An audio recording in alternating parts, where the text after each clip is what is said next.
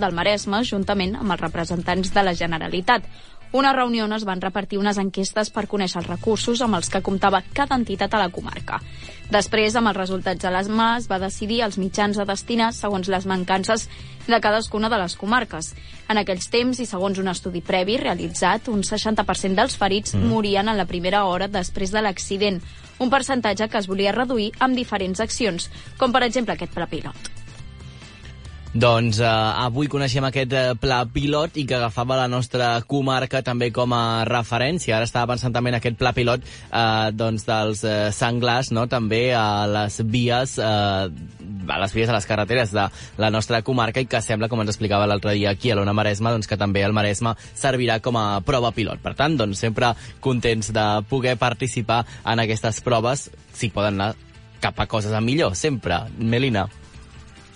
Efectivament, sí, sí, ho coneixíem aquí a l'Ona Maresma la setmana mm -hmm. passada i esperem que funcioni Tant realment que sí. i que no hi hagi tants accidents com hi ha actualment. Tant de bo que sí. Gràcies, Melina. Fins després. Fins ara.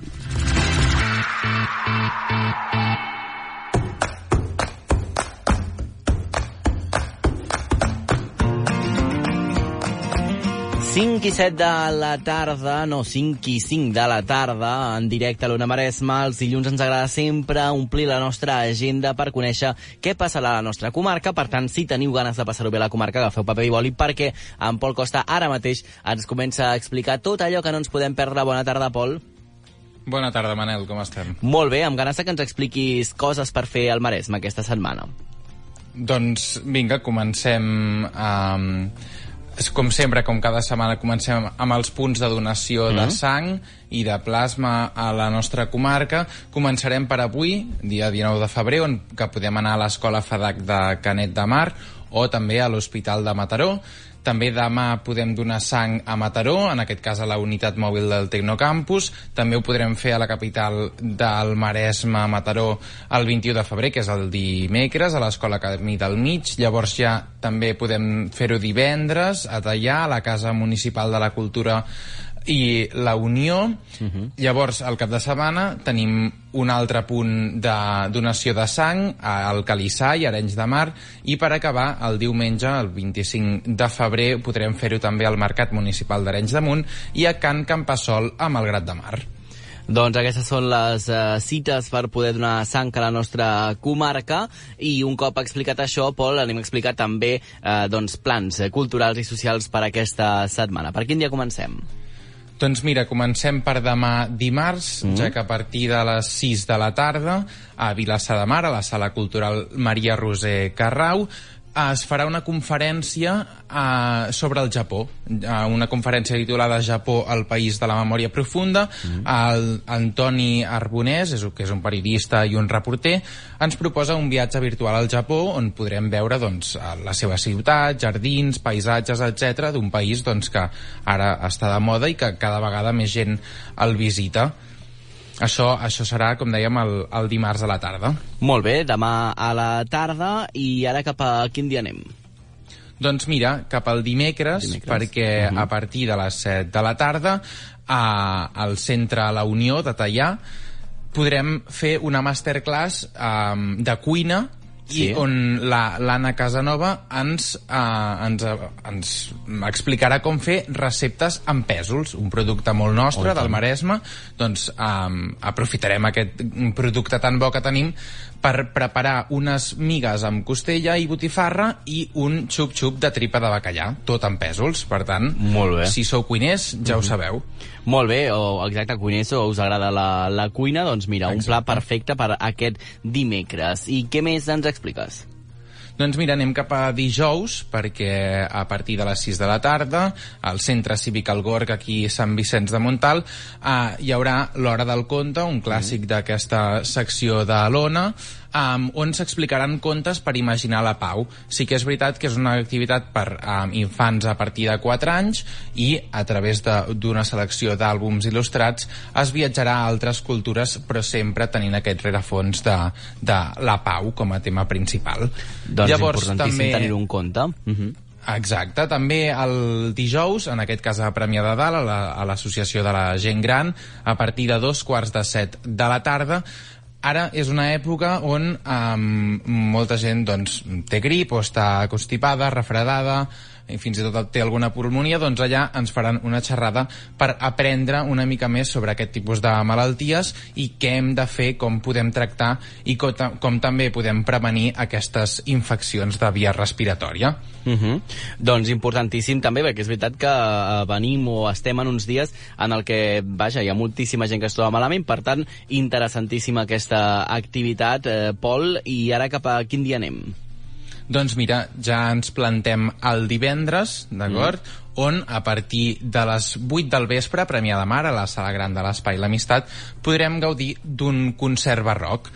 Uh, és un concert amb una massa coral a, a l'escenari que, acompanyats per l'Orquestra de Cambra Catalana, interpretaran obres del període, del període barroc de la música, com diem, això a partir de les 8 de la tarda, mm -hmm. i mhm. també a Mataró, a la Sala Cabanyes, podem veure un espectacle que tindrà lloc tant divendres com també el diumenge, per tant tenim dues oportunitats d'anar-hi, titulat Hora de plegar, que és una comèdia àcida que ens planteja el debat sobre si el dia a dia ens permet identificar quines són les nostres prioritats veritables amb la pressió laboral com a taló de fons i doncs a partir d'aquí um, s'anirà desenvolupant aquesta història. Tot això el, el divendres, com dèiem. Doncs importantíssima aquesta activitat en divendres. Alguna cosa més al divendres o passem al cap de setmana? Passem ja al cap de setmana, si et sembla bé, perquè mm -hmm. el dissabte, a partir de les 7 de la tarda, si sou fans del grup de música històric Supertramp, sí. a, a Premià de Dalt, a la, a la, al centre Sant Jaume, podrem gaudir d'un tribut a aquesta magnífica banda i tan famosa de fa unes dècades enrere. Sí que ja ho sabeu, si mm -hmm. sou fans d'aquest grup o voleu passar-hi, esteu totalment convidats. També el, el mateix dissabte, a partir de les 9 de la nit, a Arenys de Mar, a l'Ateneu, eh, es farà un altre concert, en aquest cas un concert on eh, també es podrà ballar swing, i sí, trobaran diversos tipus de música com jazz, soul mm -hmm. o R&B i s'interpretaran clàssics del jazz i d'altres i d'altres gèneres com per exemple, d'Etha James, de Nina Simone, de Ray Charles o fins i tot el soul Demi Winehouse. Molt bé, doncs escolta'm, una activitat també molt eh, variada per aquest eh, cap de setmana. I ara, Pol, cap a on anem?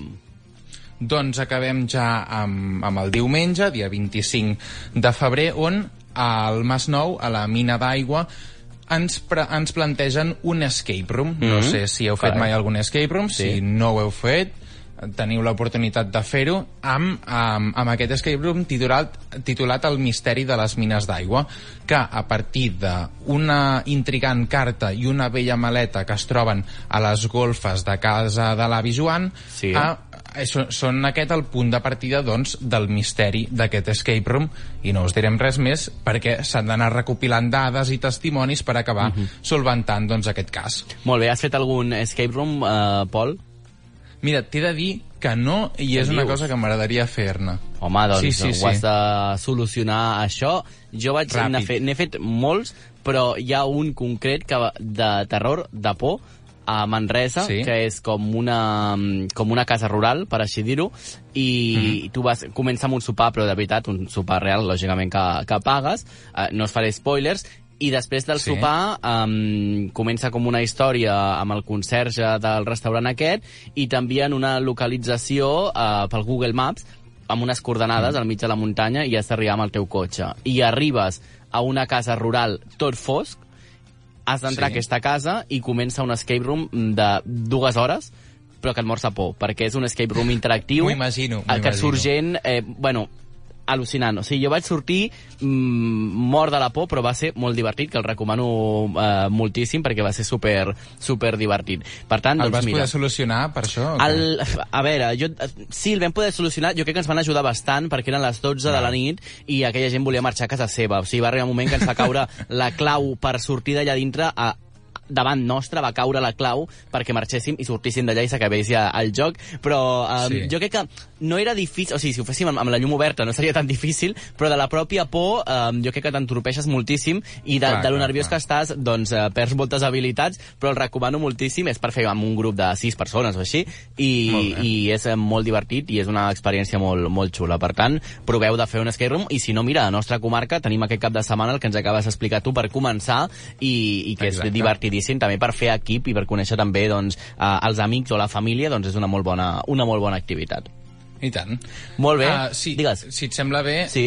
res, acabem amb un, un esdeveniment més que tenim el diumenge a partir de les 12 del migdia a Vilassar de Mar, al Jardí de la Biblioteca Municipal, on hi haurà um, una escena amb música i dansa. Uh mhm. -huh. La regidoria de joventut de, de l'Ajuntament de Vilassar organitza una nova edició d'aquesta escena i llibres per visibilitzar el talent jove en l'àmbit de les arts escèniques i el cicle doncs, comença justament aquest diumenge diumenge amb píndoles de mm, aniran fent píndoles de tres espectacles cada, a cada jornada, sí. dos de música i un de dansa. Aquest diumenge um, hi aniran la Marina Canet, que és una cantautora maresmenca, Apati, que s'encarregarà de fer un, una escena de dansa, i per acabar Maresma Manuix, que també és un grup de, de música de jazz. Molt bé, doncs una agenda ben completa. Pol, moltes gràcies. Fins després. Fins després. quart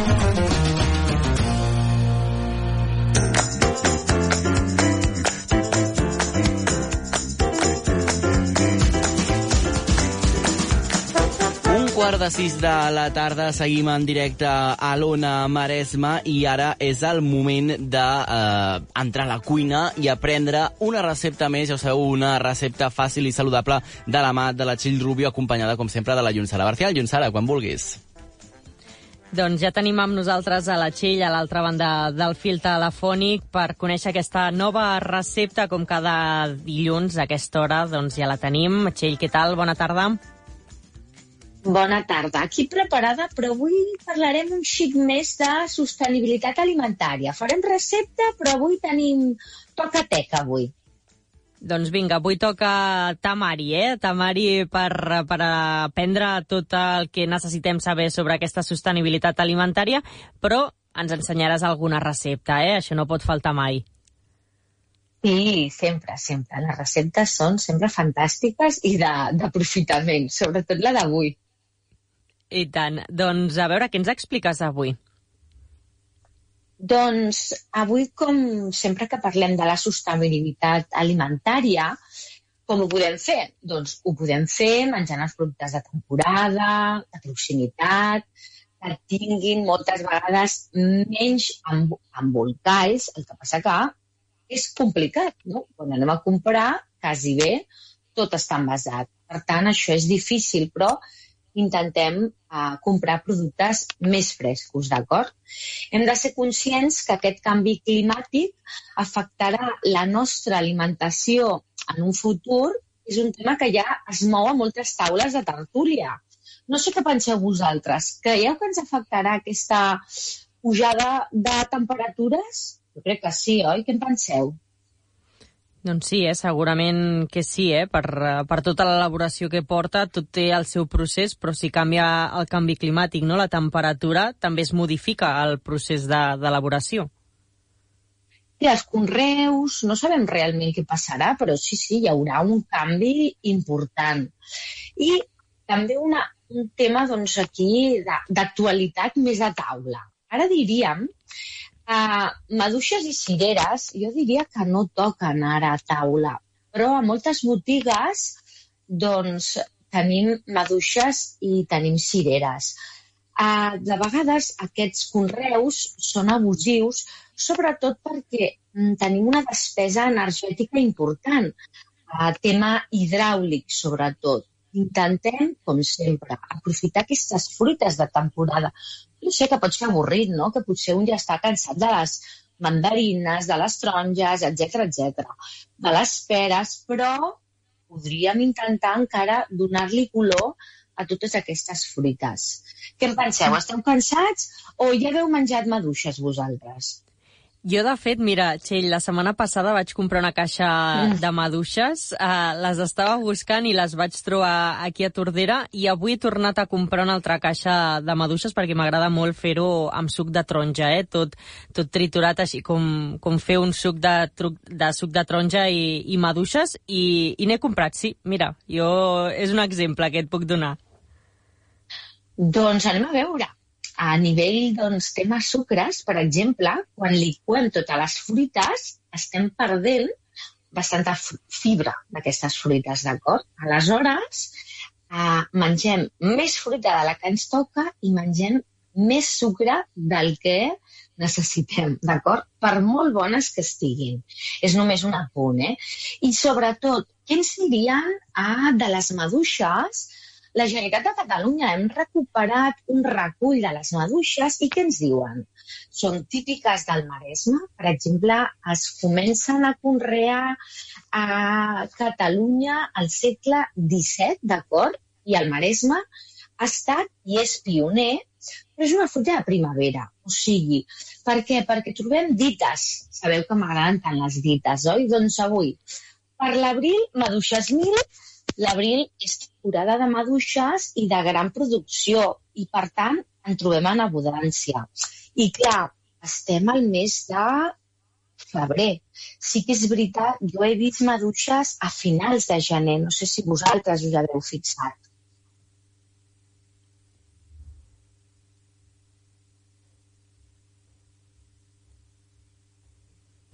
Hola? Sí, t'hem perdut? No, no, nosaltres, Sí? nosaltres t'estàvem escoltant, Txell Llun. Sara, tu també l'estàs escoltant ara? sí? Doncs he, he perdut un, un moment a la Sí? Txell, no sé si ha sigut Jo- cosa jo estic meva aquí, o eh? també... Sí, sí, nosaltres les també. maduixes. Ara la sents bé per això, Llun, Sara? Sí, ara Perfecte. sí, ara sí, a veure si no tinc massa delay com l'altre dia, però... Estàvem, estàvem amb les maduixes, d'acord? No us renyava pas, eh? Simplement us comentava la importància de menjar les uh, fruites i les uh, verdures de temporada, d'acord? Sobretot el respecte pels aliments. El respecte per salvar la terra, eh, totes les espècies, parlo d'animals, podem obrir un debat. Debat, per exemple, de les plantes. Les plantes es comuniquen, d'acord? Amb estudis recents han comentat això, que es comuniquen. Per tant, com afecta? Nosaltres també mengem plantes, mengem cereals. Què penseu vosaltres? Què penseu del consum i de que aquestes plantes també poden tenir sentiments? Què creieu? Què creieu? I un Sara, què creieu, companys? Home, jo crec que sí, no?, que tenen sentiments les plantes. Diria jo, clar, diria jo que sí que tenen sentiments. Clar, és important, oi? Clar. I mm, hauríem de tenir un respecte per menjar Mhm. tots aquests productes, animals, eh, mm, plantes, crec Mhm. que és super, super important.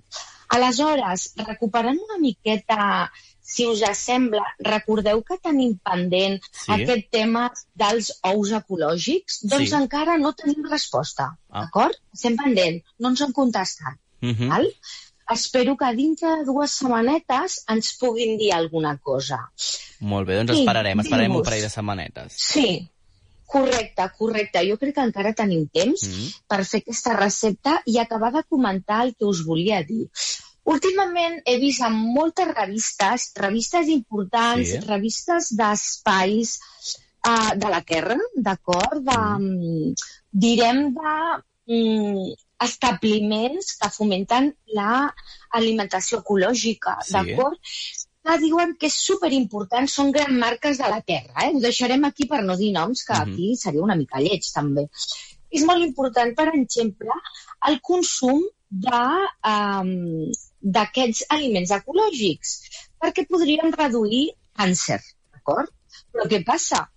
Amb el que vam comentar del que estan menjant aquestes gallines ecològiques, és com una informació una mica contradictòria. I, a més a més, ara fan apologia i surten en aquestes portades, al mes de febrer, les maduixes, que hem dit que les maduixes no serien de temporada, d'acord? Mhm. Mm. Doncs O sigui- m'incorporo eh, novament, Txell, per aquí, a veure si, si no perdem la, la connexió, però estava atenta, eh, ara, No al marxis. que estaves dient. No marxis, no marxis, No que ens marxi, encanta no la teva companyia. Molt important, aleshores, um, novament dir que la indústria alimentària i la publicitat juga amb el consumidor, amb nosaltres, com ho poden fer amb altres sectors, eh? Sectors joguets, sectors la roba, eh, tema pornografia. Per tant, avui estic molt reivindicativa, eh? Avui és un dia molt reivindicativa.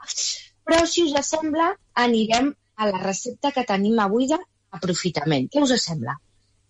Vinga, doncs uh, anem a atacar aquesta recepta. Comencem forts, no?, la setmana. Deies que estava reivindicativa, doncs eh, hem de començar amb energia, o sigui que no està malament. Així que seguim amb, amb una recepta, a veure com, com ho podem posar tot en un plat.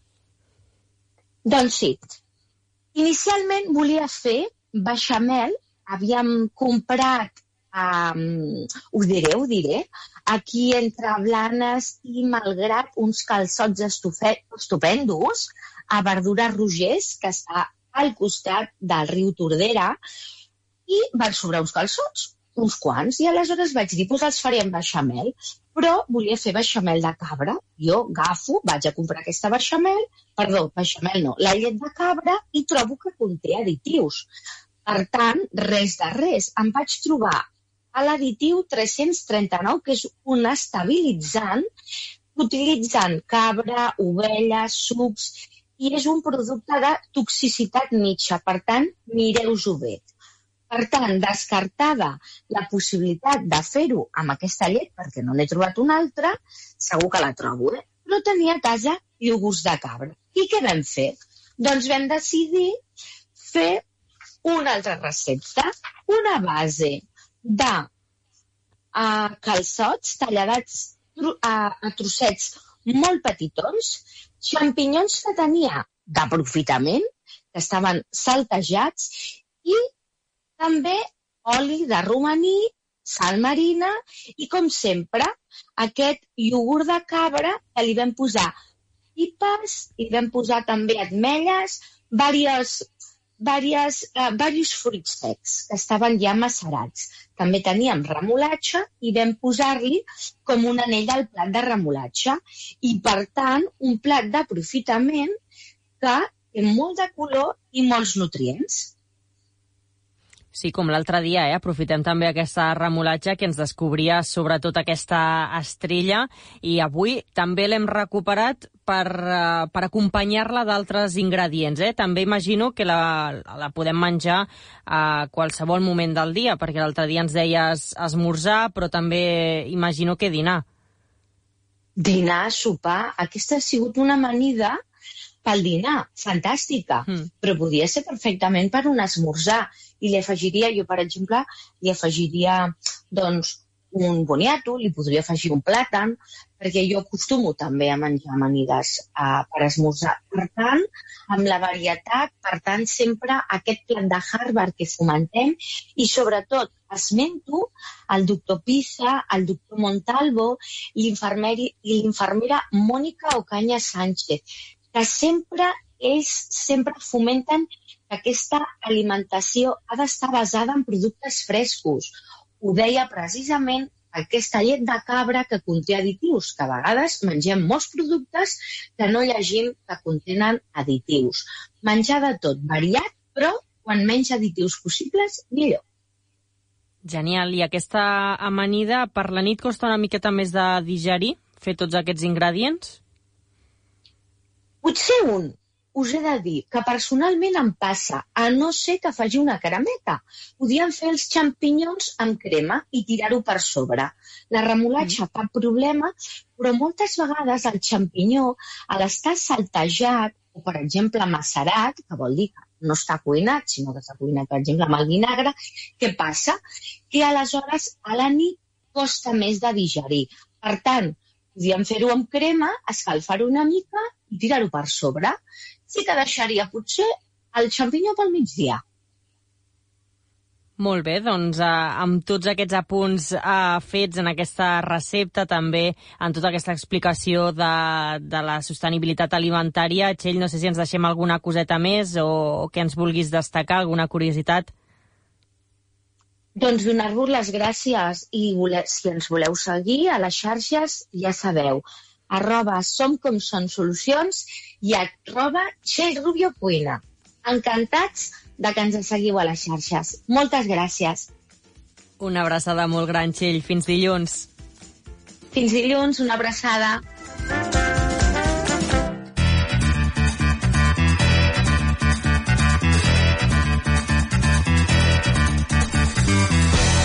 I ara, quan falta un minutet per arribar a dos quarts de sis de la tarda, hem de fer una repassada a la nostra pregunta del dia. Jordi Persavall, recorda'ns, què estem preguntant avui a les xarxes? Doncs mira, avui la pregunta que podreu trobar a xarxes socials diu així, t'agraden les begudes energètiques? I teníem tres opcions. Uh -huh. Quines eren les opcions? Doncs va, vinga, sí sempre en bec, no, no m'agraden gens, mm -hmm. i alguna vegada en bec, però no sovint. De fet, les respostes, si mirem Instagram, sí. per exemple, el sí sempre en bec és un 0%, eh? per tant, bé, punt positiu mm -hmm. per la nostra audiència. No, no m'agraden gens, un 57%, i un 43% alguna vegada en bec, però no sovint. Molt bé. Tu, Jordi, tens pinta de no beure'n molt, em sembla a mi. No, no sóc molt d'aquest tipus de begudes energètiques. jo tampoc, jo tampoc, no, intento eh? evitar-ho, fins i tot no és una beguda energètica, però sí, el cafè, eh? El cafè. Mm, però no sempre passa. Molt bé, doncs uh, aquesta és la pregunta. Podeu seguir responent fins al punt de les 6 de la tarda, dir el que us agrada veure, si us agrada doncs, uh, alguna beguda concreta o si preferiu una altra cosa. Ara, per exemple, escoltàvem la Llun Sara que deia que li agradava el suc de taronja. Doncs mira, una opció molt més saludable. Jordi, no anem a parar. Ah, t'anava a dir, compte com a beguda energètica. No, no, no. no. Bueno, escolta, si et dona energia, que possiblement sí, uh, doncs eh. és una bona alternativa, és una bona alternativa. Va molt, va molt bé quan t'aixeques de bon matí, eh? Oh, el que tant. passa que mm, la, allò d'intentar fer el suc de taronja natural i tal, i dedicar-hi mitja hora per exprimir Sí, totes les taronges, no, això ja és una altra història. és una feinada, és a dir, s'ha d'exprimir les taronges, després netejar també l'exprimidora, que això és un altre tema eh, a part, Mm-hmm. és a dir, que tota la mecànica a mi se'm fa una mica pesada, però és veritat que el resultat val la pena, val la pena. Sempre, sempre va bé que hi hagi algú que te'l prepari. Eh, Això home, ja és el súmum del súmum. I si te'ls porten ja amb unes torradetes allà en el llit, home, això ja és una altra Imagina, cosa. imagina. Home, per què vols una beguda energètica tenint tot, tot això? Gràcies, Ara, Jordi. Va, ara fem dit, una ara. petita pausa i en 3 minuts tornem amb més Ona Maresma, no marxeu. La xarxa de comunicació local.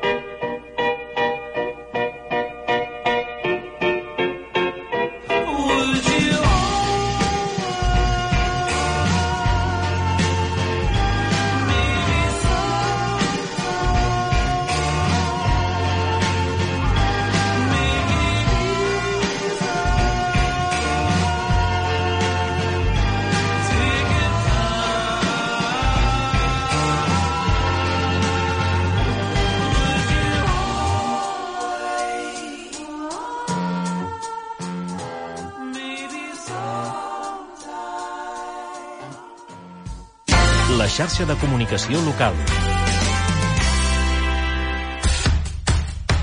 Ona Maresma. Des d'on vulguis, a la teva ràdio local.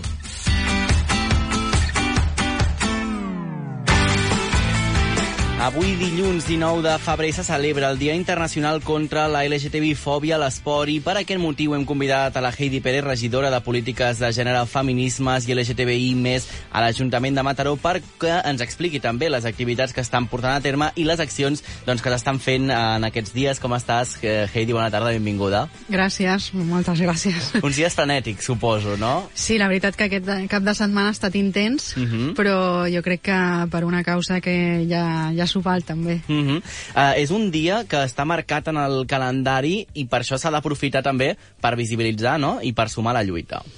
Bueno, evidentment, totes les causes, o sigui, tota, tots els actes i totes les accions que portem a terme, que no només des de l'administració, sinó també des de les entitats i des de la ciutadania, han de ser sempre per visibilitzar causes que són minoritàries, Mhm. no? Perquè no formen part d'aquesta normalitat, que a mi m'agrada sempre de posar entre cometes, només perquè és una majoria, no? En Mhm. aquest sentit, doncs, eh, doncs des de Mataró LGTBI en el seu moment ja es va iniciar aquesta campanya de- d'esport amb orgull en el sentit de, de posar de manifest que precisament l'esport és una de les dels llocs o dels espais on més LGTBI-fòbia podem trobar Mhm. i alhora també és una de les eines i, que poden ser més de transformació social perquè eh, les persones que practiquen esports doncs evidentment eh, estan travessades per diferents qüestions com poden ser el tema de la qüestió física, de la qüestió Mhm. funcional, de la- de l'orientació, de la raça, de la- l'estatus social i econòmic, no? I aleshores jo crec que és una representació molt bona del que, del que som com a societat. Molt bé. Quines accions esteu fent aquests dies des de l'Ajuntament de, de Mataró?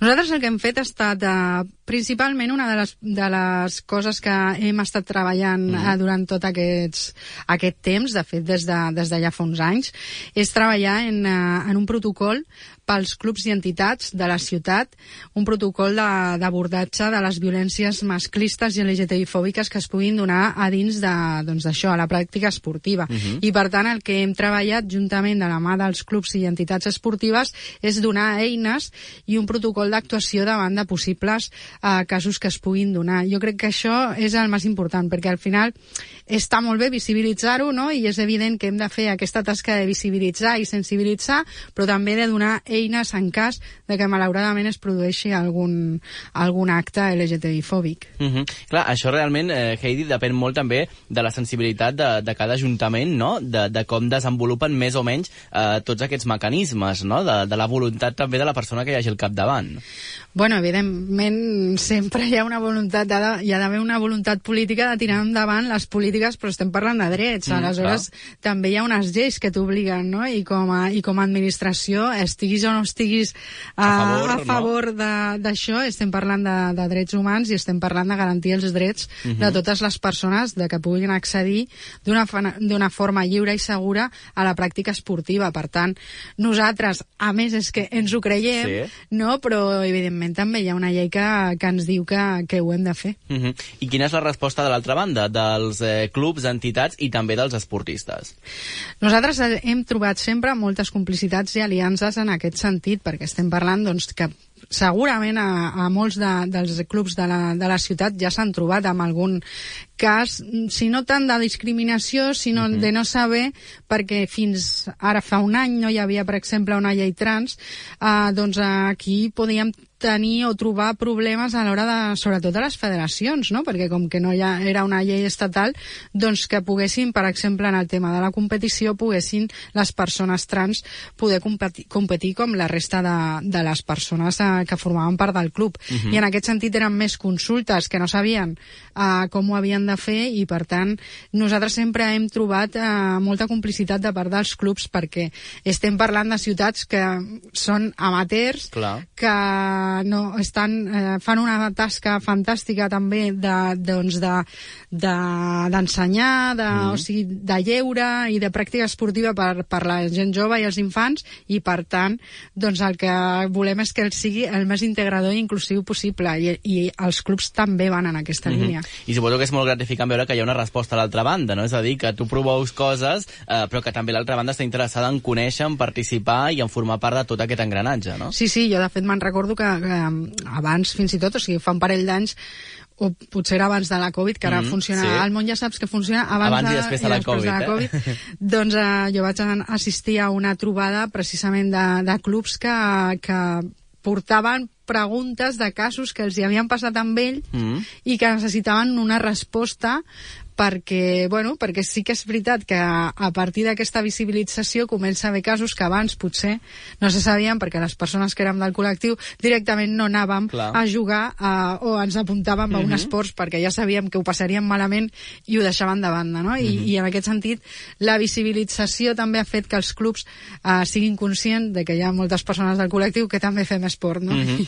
I segurament també és important, eh, Heidi, també entraria en aquesta part, eh, l'àrea de- d'esports, el fet de fomentar l'esport no amb les persones del col·lectiu, perquè segurament hi ha com aquesta creença o aquest pas enrere que fem sempre a dir potser no, perquè no trobo el meu lloc i potser no perquè sóc diferents a la resta, no? És a dir, també hi ha una part important de voler fomentar l'esport i també la, la, la resta de- d'àrees, eh? Però que la gent faci el pas per participar-hi i voler formar part d'aquest teixit.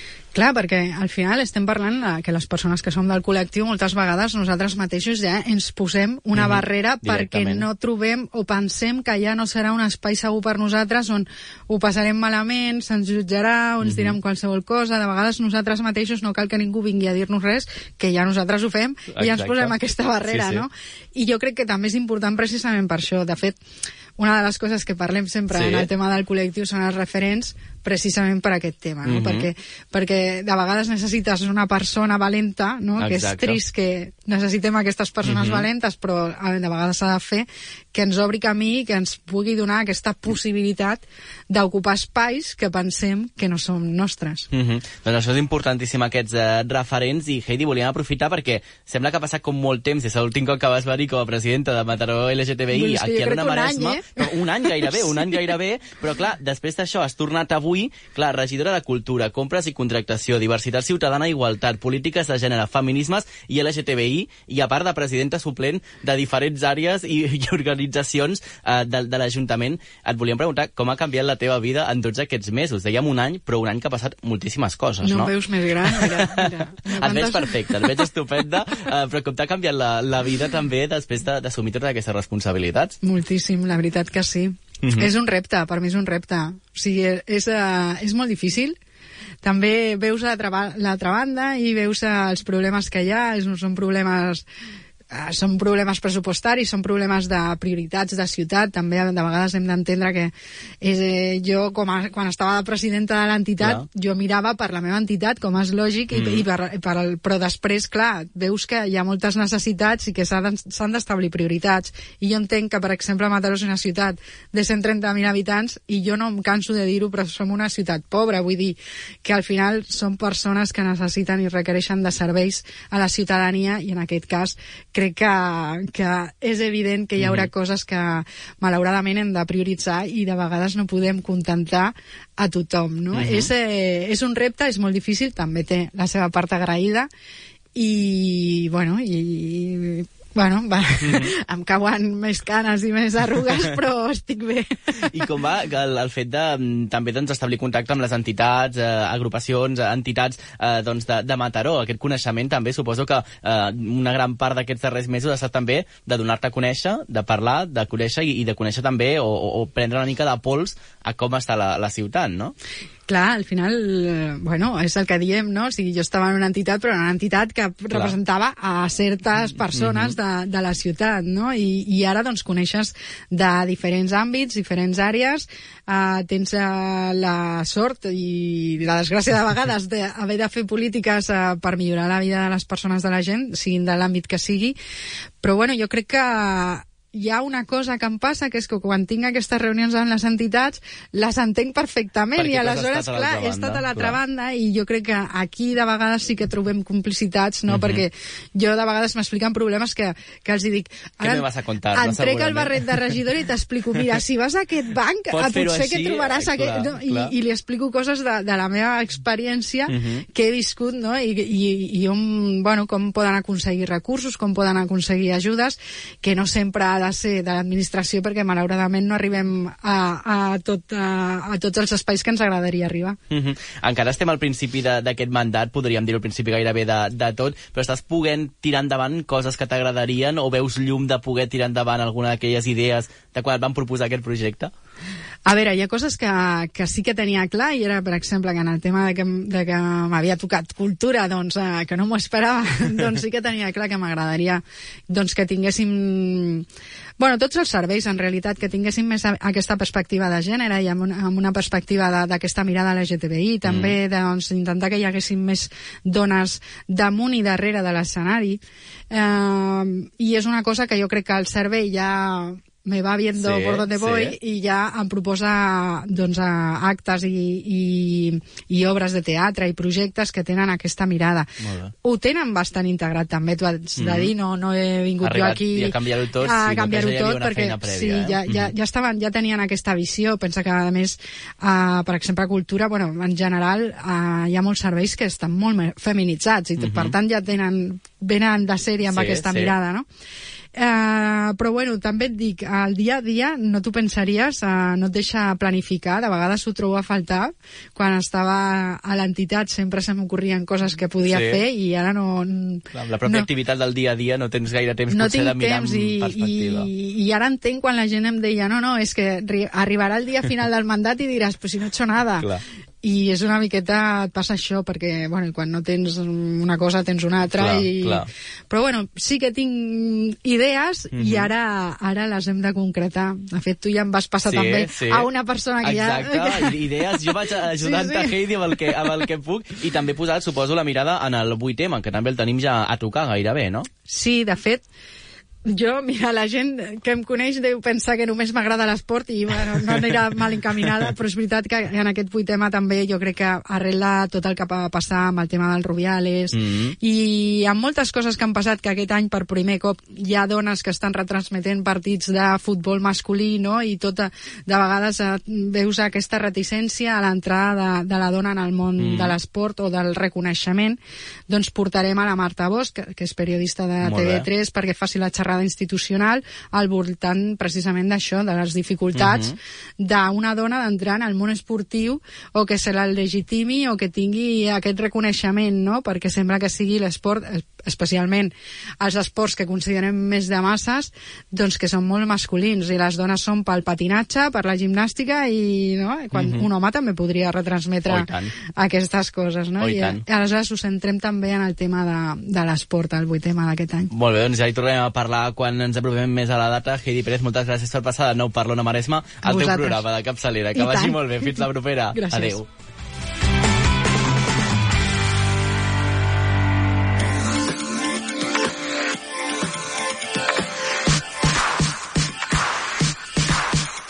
I ara passen alguns minuts de quarts a sis de la tarda, moment d'encetar la nostra tertúlia esportiva dels dilluns. I on serà?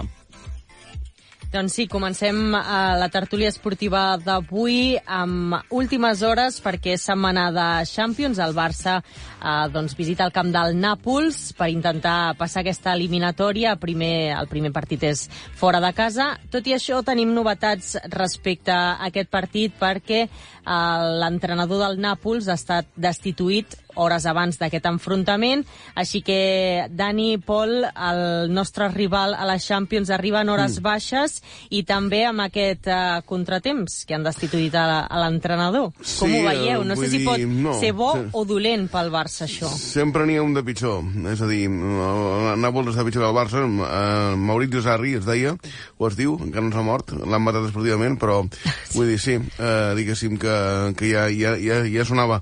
Un que sona per substituir-lo és Lopetegui. Esperem que no arribi temps. I també, a part de, a part de l'entrenador, um, cal dir que el Nàpols, de moment, no sabem si arribarà a l'eliminatòria... Bueno, de fet, el, el primer partit de l'eliminatòria demà passat, que és Mm. Víctor Osimhen, màxim golejador de la sèrie a la temporada Tant de passada, tant de no- tant de bo no futbolista arribi. mm, bueno, dels més determinants d'Europa, podríem arribar a dir, i, i que va arribar amb molèsties de, de la Copa Àfrica, no va jugar aquest cap de setmana, i mm, encara no se sap si podrà jugar. Diuen els mitjans italians que, en principi, per uns minuts sí que estarà, però sí, és, és cert que no, segurament no estarà al 100% i això sí que és veritat que el Barça l'ajuda bastant, sobretot amb els problemes defensius que té últimament.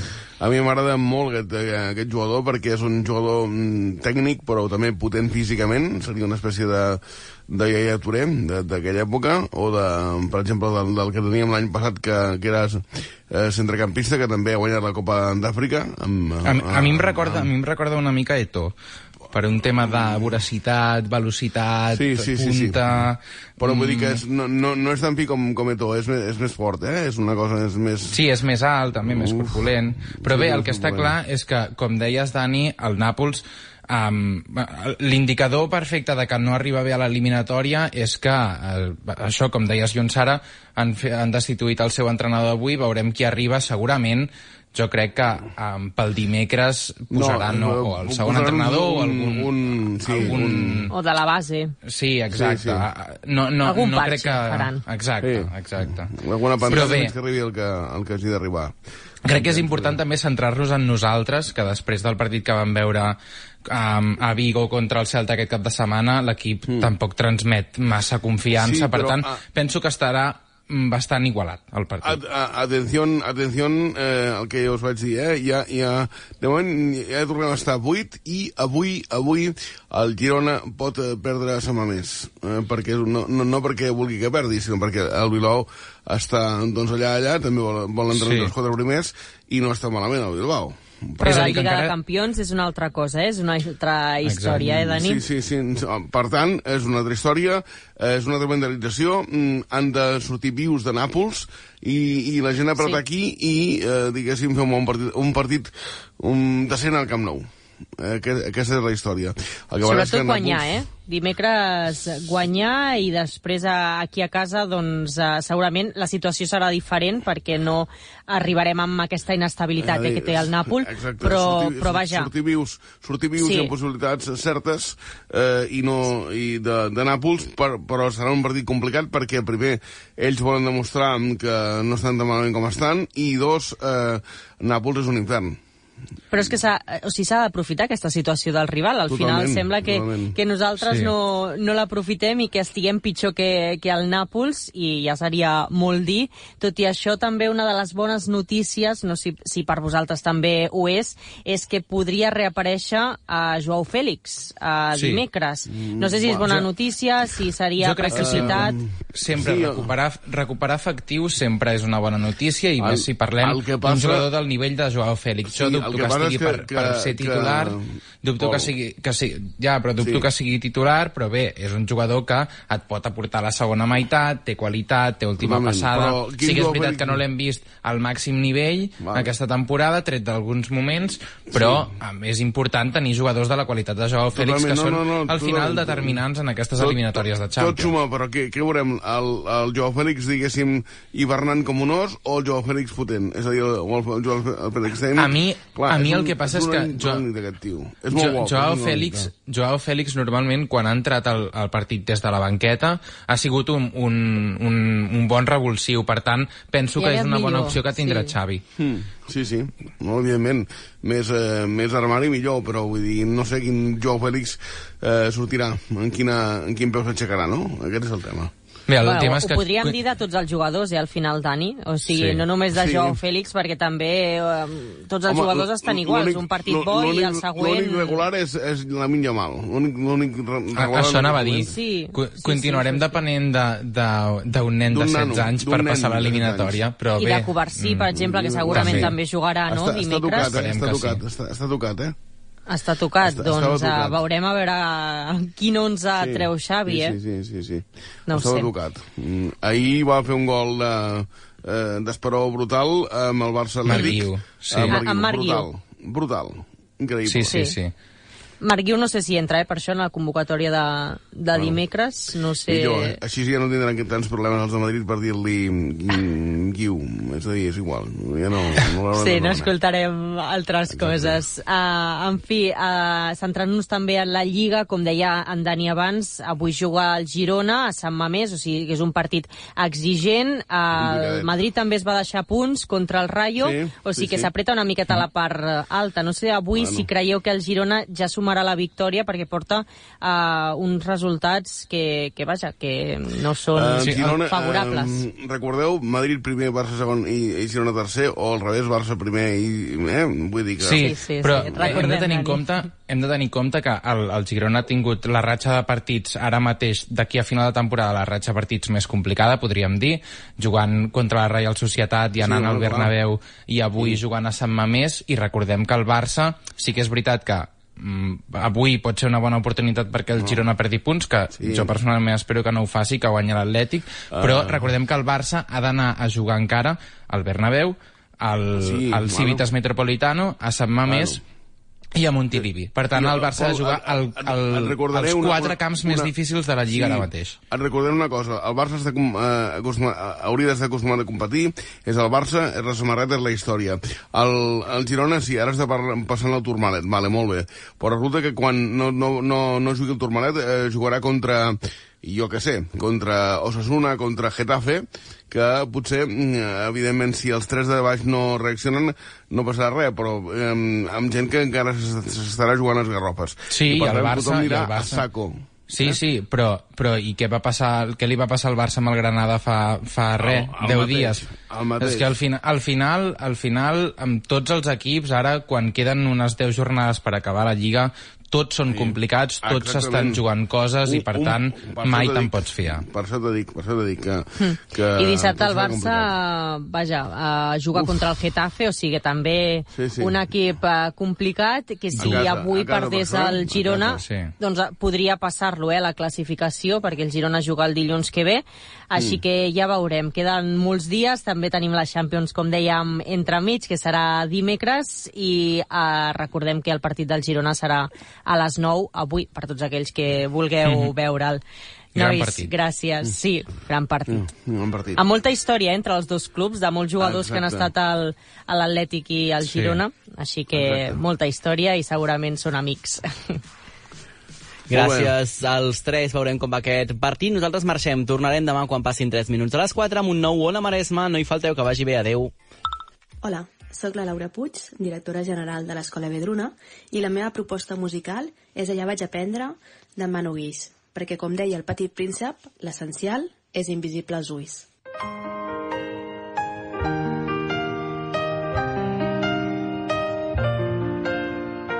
I així és com ho recordo. Va ser un nen que estava perdut al desert i amb la seva manera d'entendre les coses de cop se'n va obrir un univers. Potser només va ser un somni a causa dels deliris de la set. Però alguna cosa dins meu es va moure al sentir la rialla d'aquell nen. I allà vaig aprendre que tot depèn petit príncep a dins. Només cal voler-lo sentir. I allà vaig aprendre que l'essencial és invisible als ulls, que aprendre a estimar i ser feliç és el que vull. No sé si va ser real quan em parlava de roses i de baobabs o de guineus que eren amics increïbles quan es deixaven domesticar. No responia a les meves preguntes i em regalava un silenci inquietant i em vaig anar fixant en les coses petites que són en realitat les més importants.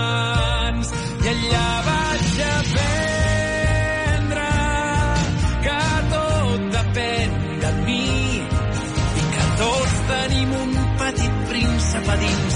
Només cal voler-lo sentir. I allà vaig